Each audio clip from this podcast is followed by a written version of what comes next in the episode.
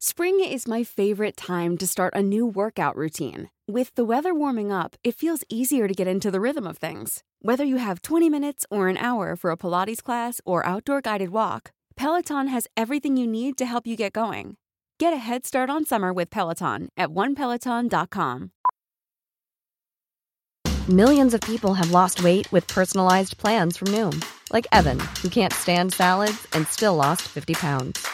Salads, generally, for most people, are the easy button, right? For me, that wasn't an option. I never really was a salad guy. That's just not who I am. But Noom worked for me. Get your personalized plan today at Noom.com.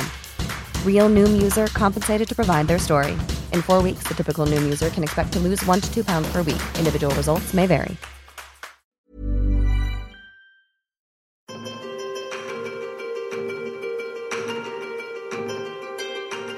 مرحبا. عم ننشر هاي الحلقة بالتزامن مع حملة ال 16 يوم لمناهضة العنف المبني على النوع الاجتماعي بأشكاله الواضحة والمبطنة. قبل ما نبدأ بحب نوه إنه في مقاطع ممكن تكون مزعجة أو مؤلمة لبعض المستمعين والمستمعات.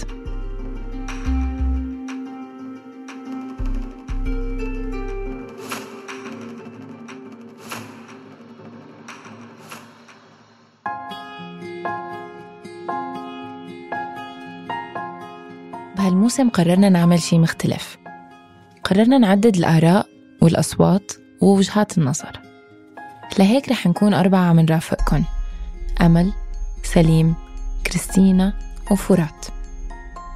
رح نحكي عن موضوع بخصنا كلنا. رح نحكي عن البلوغ.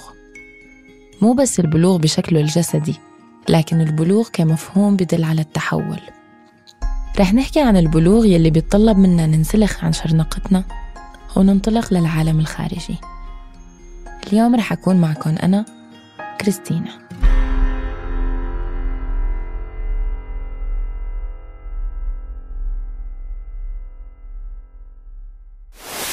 قتلنا خنقا أو حرقا أو رجما أو طعنا. باسم الشرف تمارس جرائم وحشية. أقدم أب على قتل ابنته التي لم تتجاوز العاشرة من عمرها. إسراء غريب. قتلت نتيجة الضرب. شهدت مدينة جرابلس السورية جريمة قتل بذريعة الدفاع عن الشرف. هي الجريمة اللي صارت تعرف باسم صرخات أحلام. ويزعم مرتكبو مثل هذه الجرائم أن جريمتهم حصلت من أجل الحفاظ على شرف العائلة أو ما يوصف في أوساط قبلية بعملية غسل العارض. بال 2017 انقتل حوالي 50 ألف امرأة حول العالم من قبل شركائهم أو أحد أفراد عائلاتهم يعني بمعدل 137 امرأة يومياً.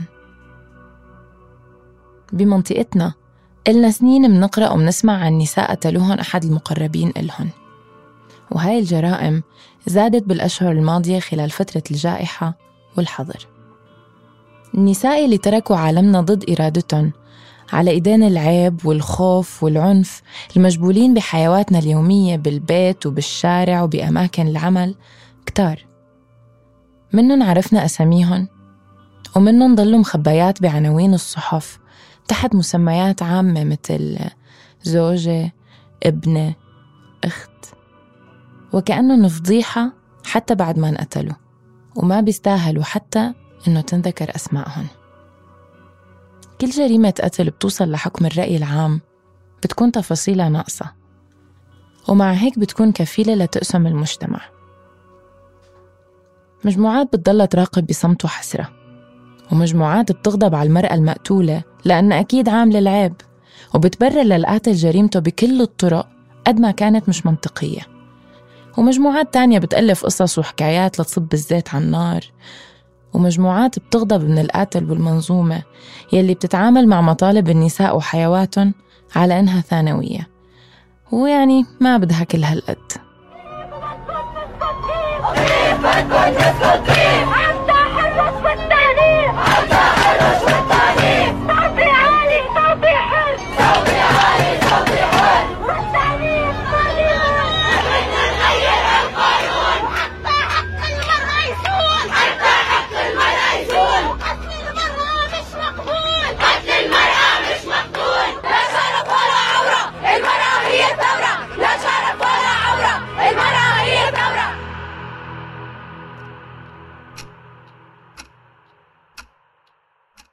وبعد كم يوم بتنطوى صفحة الجريمة.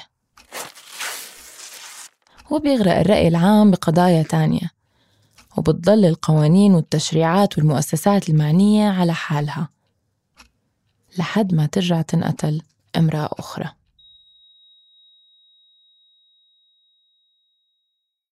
بس حوادث القتل مش سبق صحفي بيصير فجأة وأثرها ما بينمحي بالسرعة اللي بيختفي فيها الهاشتاج من وسائل التواصل الاجتماعي طب شو اللي بيمهد لها؟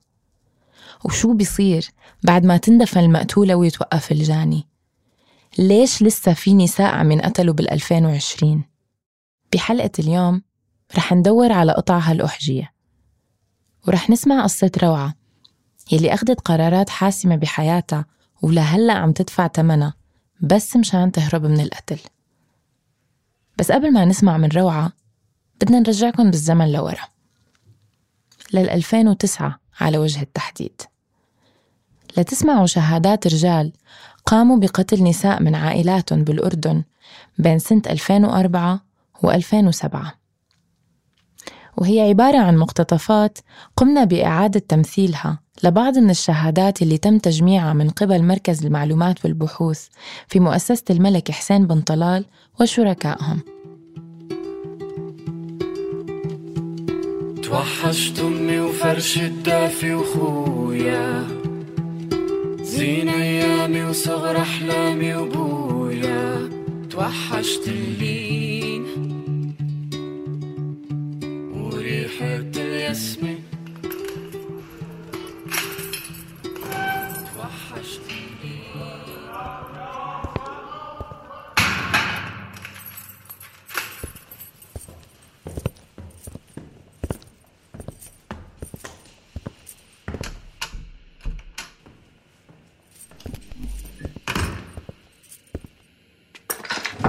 شو بتقرب لك المجني عليها. بنتي.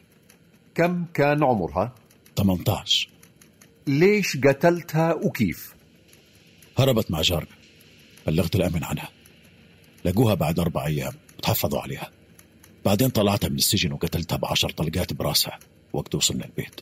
مين أسقط الحق الشخصي للمجني عليها؟ أنا وأمها. ندمان؟ لا. ولو عاشت كمان مرة بقتلها. ولو طلعت من قبرها برجع بقتلها.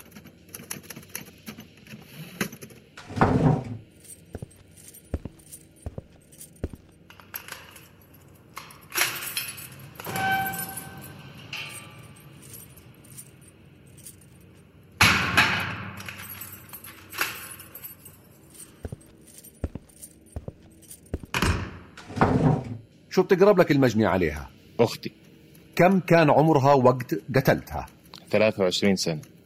كيف صارت حادثة القتل؟ سيدي وأنا بشتغل في الخليج عرفت إن أختي بتغيب عن دار زوجها بعلمه وموافقته. بعدين وقفها الحاكم الإداري وتحفظ عليها. بعد ما طلعت من مركز إصلاح وتأهيل الجويدة شفتها صدفة بالشارع. رحت أخذت المسدس من السيارة وطخيتها وسلمت نفسي. كنت متأكد إنه سلوكها سيء. نعم من اعترافاتها لحماية الأسرة والمحافظ. وين زوجها هلا؟ موجود. كان لازم قتلته معه. هل تشعر بتأنيب الضمير؟ لا مرتاح.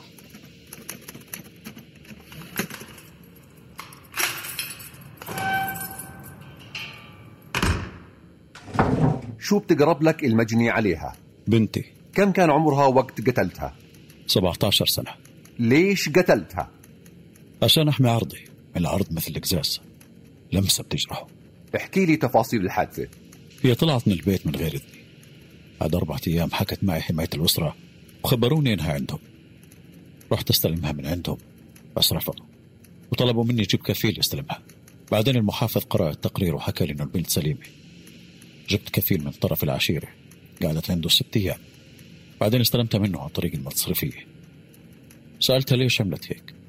بس ما كانت تجاوب. ثاني يوم ضليت أسأل. جاوبتني. طلعت على رأسي. واستفزتني بإجابات تانية. بعدها طخيتها بخمس طلقات بالرأس. شو رأي عيلتك باللي عملته؟ لا حد عرضني ولا حد أيدني ندمان؟ لا. هيك أحسن وأريح.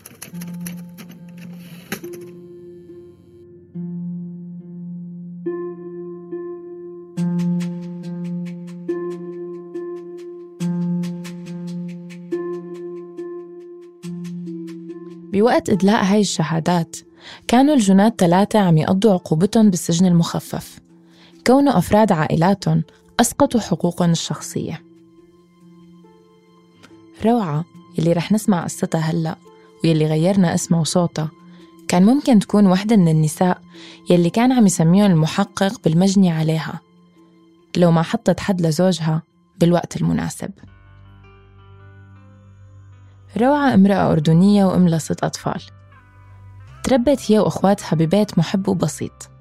مع والد ووالدة بيعملوا كل اللي بيقدروا عليه ليقووا بناتهم ويدعموهم. أمنا بتحبنا وأبونا بيحبنا. ترك لنا خيار بكل إشي بحياتنا. حتى بلبس الحجاب. اخترنا التعليم. هو عم بيرشدنا لكل شي. وتركنا إحنا نختار ونمشي طريقنا. ومشت الحياة. وكبرنا. وتعلمنا. شوي شوي إجا اليوم اللي كبرت فيه روعة. وصار وقت إنها تطلع من مساحة الأمان وتنتقل من وصاية رجل بتوثق فيه وبتحبه لوصاية رجل غريب ما بتعرف عنه ولا شي. أجا بشكل تقليدي على أهلي و... وتمت الخطبة وال... والزواج. وزادي زي أي فتاة لما تقدم لي كان في تباعد ما بين الأفكار الطموحات الأهداف. لكن كان عندي طموح أخلي منه شخص راقي عنده طموح عنده أحلام. حتى نوحد أحلامنا مع بعض. بوقتها ما كانت روعة بتعرف إنه هالتباعد اللي عم تشعر فيه رح يصير يخليها تشك بحالها. وما كانت متصورة إنه مخططها لتبني حياة حلوة مع زوجها رح يتلاشى مثل السراب بالصحراء. كان عم بيحاول يخليني أحبه بكل ما أوتي من قوة.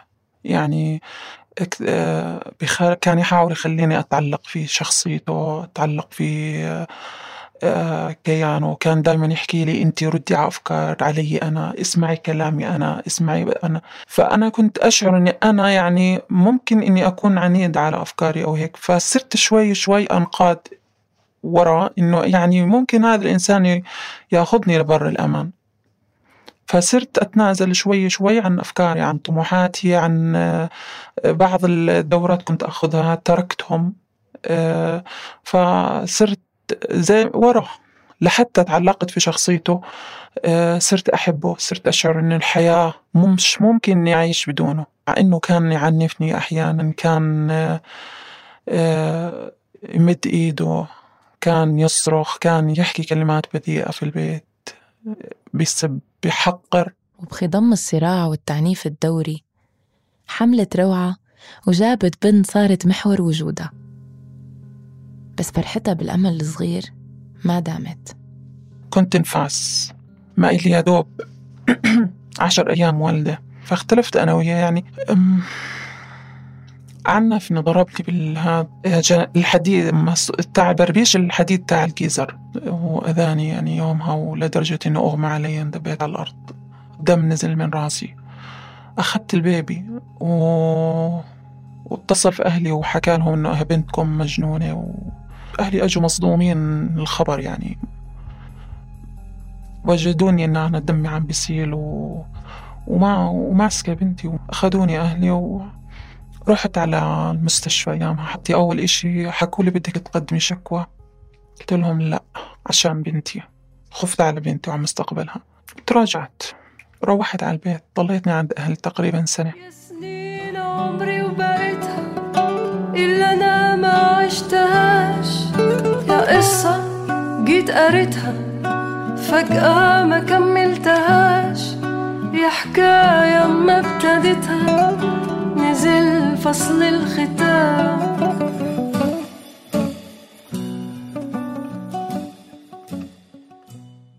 مع إنه أهل روعة كانوا مستنكرين سلوك زوجها العنيف وموقفين معها وداعمين قرارها بإنه تضل عندهم.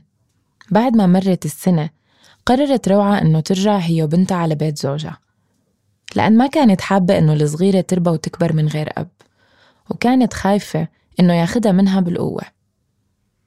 بس هالرجعة كانت مثل الدخلة على جهنم يلي ضلت روعة تتقلب وتتوجع فيها لمدة 13 سنة. وهي عم تدور على مساعدة وتفكر بحلول. كنت أروح على الحماية آه، متابعة اجتماعية لأنه إذا عرف إني أنا بروح على حماية الأسرة آه، راح أتعنف يمكن يأذيني. رحت لهم أكثر من مرة لأنه كان مرات يمسكني من من الرقبة يضربني بالكيبل آه، فأنا رحت لهم على أساس إن يتابعوني اجتماعيا على يعني لأنه إذا أنا تعرضت لحالة قتل أو إشي زي هيك تكون عندهم خبر وعندهم علم. إدارة حماية الأسرة هي مؤسسة رسمية بالأردن تابعة للأمن العام وبتتابع قضايا العنف والاعتداءات في الأسرة. بمرحلة ما شرحت إدارة حماية الأسرة لروعة كيف ممكن تقدم شكوى قضائية ضد زوجها ليتحول بموجبها على المحكمة. ولكن روعة ما كان بدها تلجأ لهالطريق لأنها كانت قلقانة إذا زوجها انحبس إنه يرجع يطلع أعنف من قبل. يعني أنا تخيلت نفسية إنسان تسجنه زوجته أسبوع في سجن. أي نفسية بده يطلع فيها هذا الإنسان؟ فيعني تخيلت الأمر قبل بعد ما يصير درست نتائجها قبل ما يعني أقدم عليها. فوجدت أنا الخسرانة أنا وأطفالي. فكنت أرفض قضائي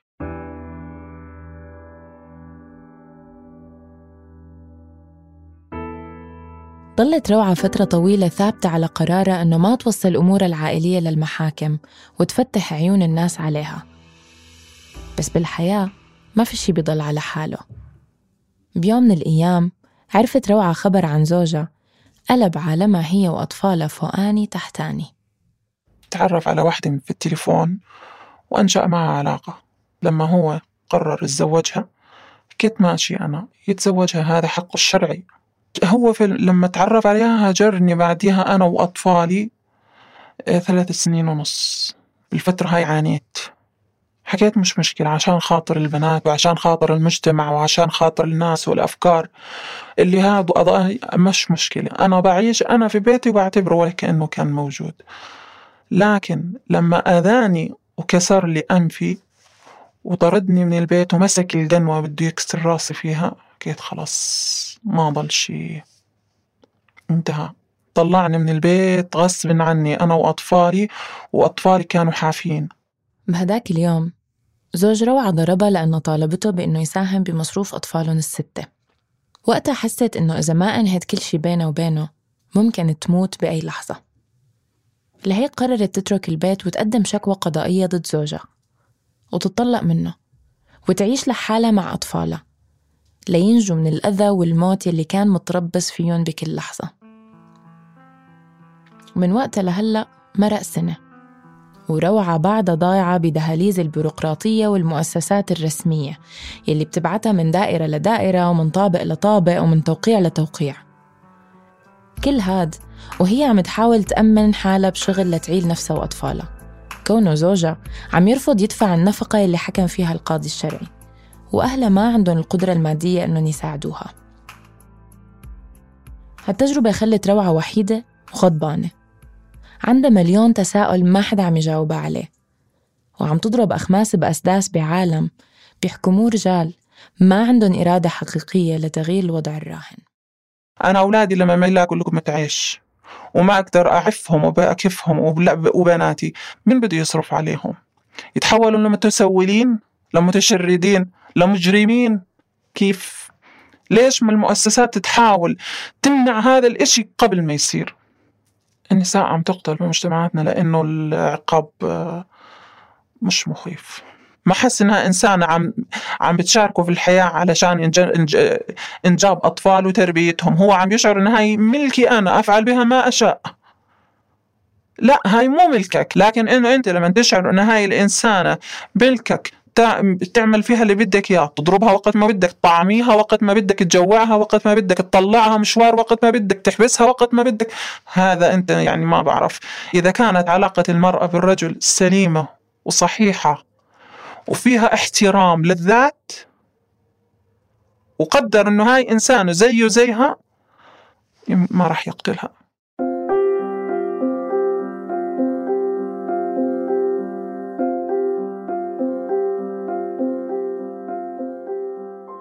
روعة واحدة من كتير نساء بالأردن وبمنطقتنا عايشات بمنظومات لهلأ ما بتعتبرهم كيانات متكاملة ومستقلة.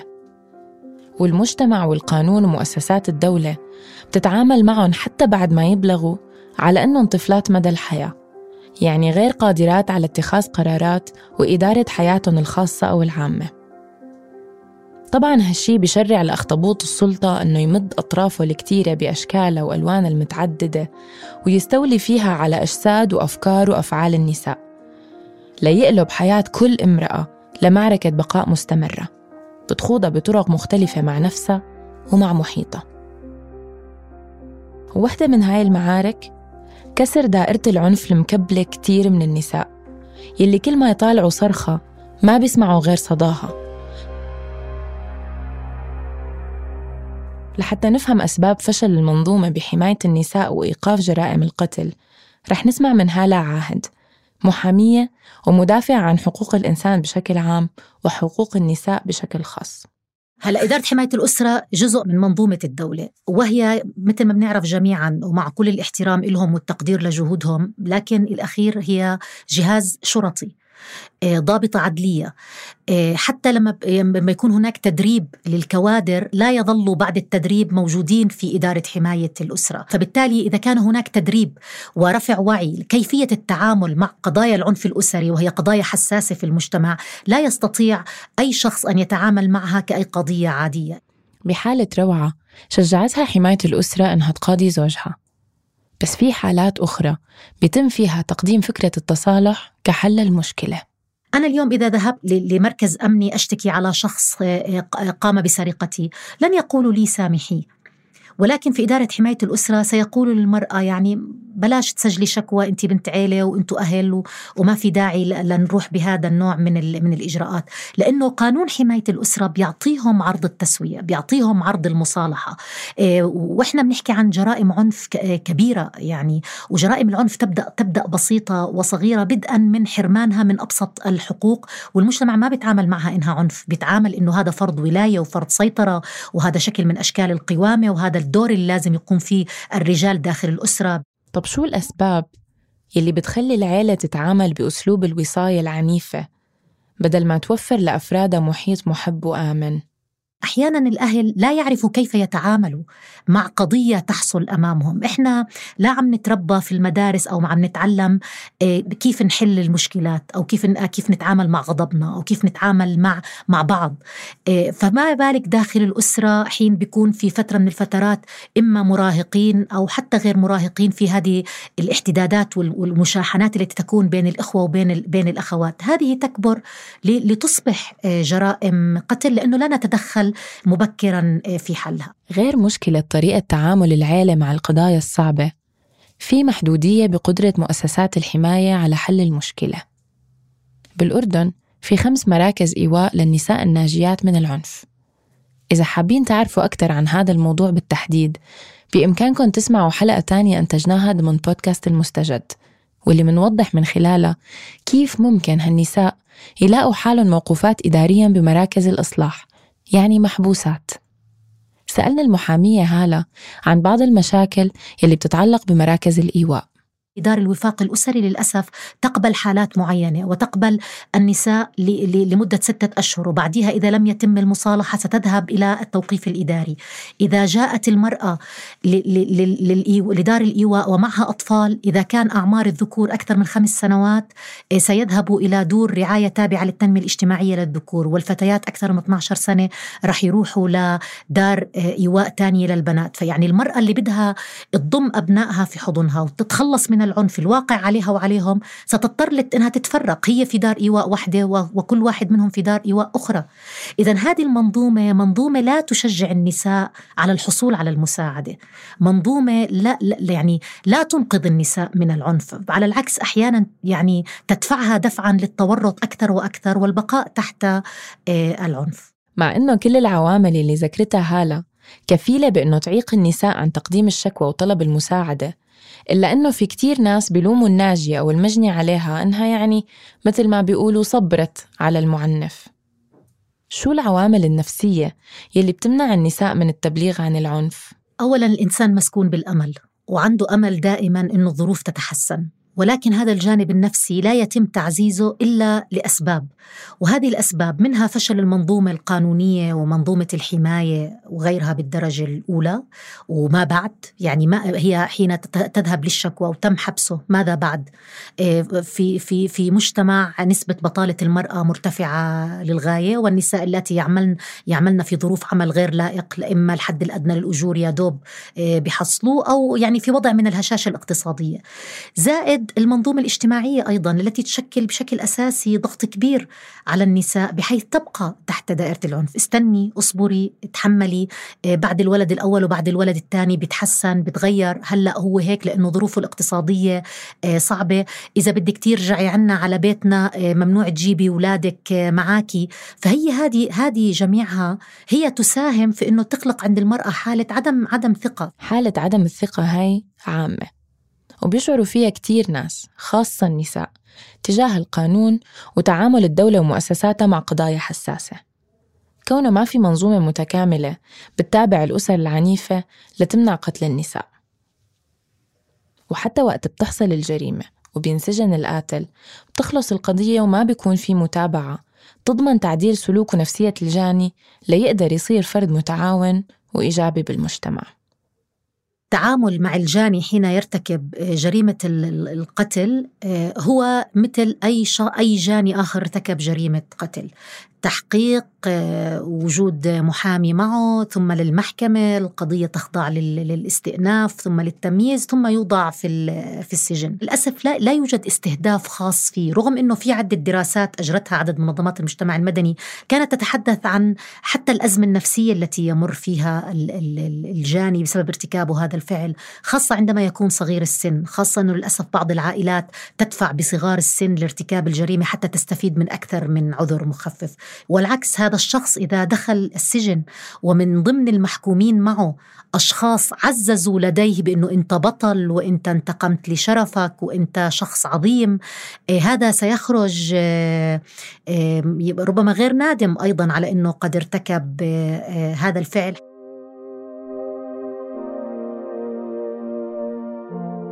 إنه حتى العائلات للأسف إن كانت الضحية قد قتلت فعلا ولم تنجو. آه، لا يوجد أي أي تواصل مع مع العائلات. تترك لوحدها لتتعامل آه، مع هذه مع مع هذا الملف ومع مأساتها بحيث انها هي خسرت اثنين خسرت خسرت بنتها وخسرت من قام بارتكاب الجريمة. حاليا الناشطات النسويات وبعض مؤسسات المجتمع المدني هن اللي عم يقوموا بالدور الأكبر للحد من العنف وإيقاف جرائم قتل النساء. بس جهودهم غير كافية لتغيير كامل المنظومة. دور الدولة ومؤسساتها أساسي بهاي العملية. بس ليش يا ترى ما عم يصير تغيير جذري بهاي المسألة بالرغم من إدانة الدولة بخطاباتها لهاي الجرائم؟ الدولة هي تعبير عن أفرادها. حين نضع قانون يضع برلمان محكوم بفكرة بأنه يريد أن يسيطر على النساء وعلى خيارات النساء ولا زال يريد أن آه، يترك للأسرة السيطرة على أبنائها وعلى نسائها. لذلك لم نستطع أن ننجح في تعديل المادة 62 من قانون العقوبات بأن لا يكون الضرب هو أحد ضروب التأديب المعترف فيها بالقانون. آه، ولم نستطع أن نعدل قانون الحماية من العنف الأسري بشكل كامل. لم نستطع إلغاء المادة 98 تماما. لم نستطع أن نحدث تعديلات وتغييرات على المادة المتعلقة بقبول إسقاط الحق الشخصي في هذا النوع من من الجرائم. اذا الدولة لها عقلية أيضا وهي عقلية للأسف عقلية ذكورية تنعكس على سياساتها وعلى ممارساتها وعلى آه، تشريعاتها. دولة أيضا هي تهادن أحيانا تيار محافظ إلى حد ما يريد أن يبقي هذه هذه التراتبية، كثير ما نسمع أنتم بدكم الولد يشتكي على أبوه بالتليفون، أنتم بدكم تخربوا قيم الأسرة، ثم هناك تحجج بقضايا لها علاقة بنفقات هي تحتاج إلى نفقات هائلة يعني أيضا. يعني ايجاد دور إيواء، إيجاد موظفين مدربين بشكل كامل، كادر كبير ليتابع كل هذا الكم من من القضايا، ولأنها لا تريد أن تترك مساحة لمنظمات المجتمع المدني للعمل لأنها تريد أن تظل مسيطرة بفكرتها الأبوية ذكورية على كل هذه التفاصيل. فتريد أن تخنق الفضاء العام. غير تغيير المفاهيم الجوهرية المتعلقة بمسألة العنف. شو في خطوات ممكن تتبعها الدولة لتعالج هالملف من شروشه؟ هذا الملف فعلا هو ملف لا يكفي أن تقوم فيه الدولة، هو يحتاج لإشراك. اولا الدولة بمختلف مكوناتها. يعني لا ينفع أن يكون فقط وزارة التنمية الاجتماعية. نحتاج كم أيضا كما إدارة حماية الأسرة وزارة التنمية الاجتماعية وزارة التربية والتعليم المستشفيات كيف تتعامل أيضا لغيره منظمات المجتمع المدني. هي تحتاج لكل هذه الجهود حتى نستطيع على الأقل يعني قد لا نلغي العنف ولكن على الأقل آه، نوفر حماية قدر الإمكان وقاية منه بالدرجة الأولى ثم حماية ثم بالتالي الإنصاف العادل للضحايا وهذا ما لا نريد لا نريد أن يكون هناك يعني ضحايا. نحن عايشين وعايشات بعالم الإقصاء فيه سماد بغذي العنف والقتل والعدوانية.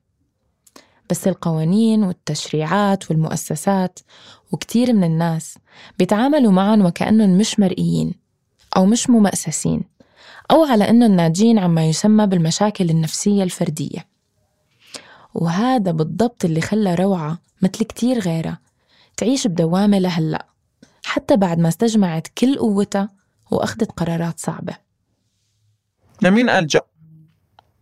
لمين نروح؟ لمين؟ يعني المتصرف بيحكي لنا هاي قضايا شرعية ما إلي دخل فيها. القضائية طيب طيب ومش مهتمين. يعني إحنا نكبر الموضوع كيف علشان هم ياخذوه بمحض الاهتمام ويهتموا فيه ويمشوا فيه. ما بعرف يعني كيف نعمل يعني. كيف إحنا نخلي السلطات ترد علينا؟ تمشي معنا.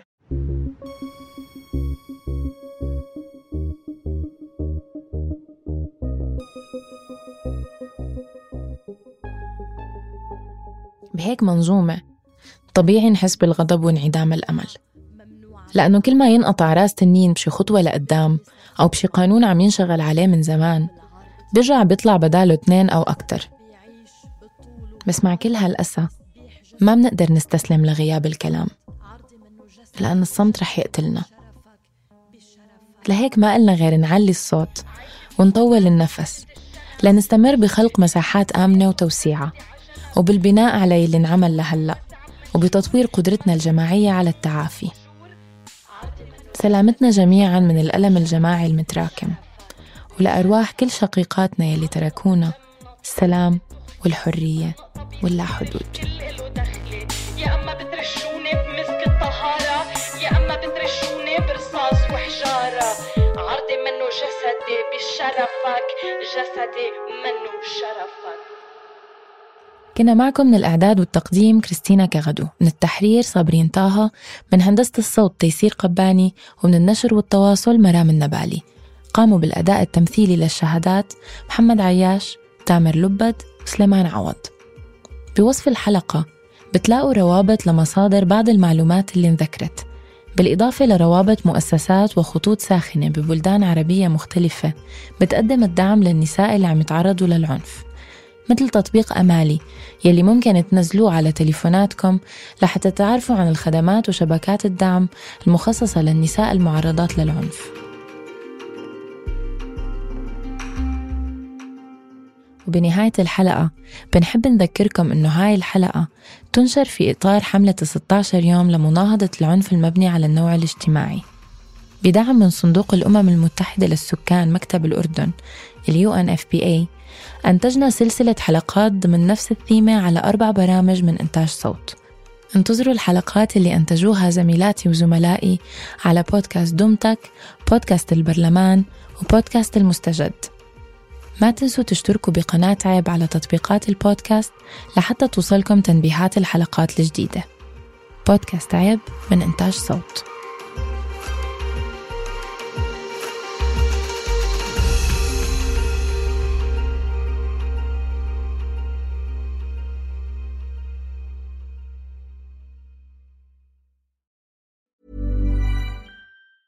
Want to get a chiseled look in the jawline? Sculpt and shape your jawline with added volume from Juvederm Volux XC. Juvederm Volux XC is an injectable gel specifically designed to be robust enough to improve moderate to severe loss of jawline definition. And it is the first and only hyaluronic acid filler approved for the jawline. Add volume to your jawline for a chiseled look with Juvederm Volux XC. For important safety information and to find a licensed specialist, visit juvederm.com.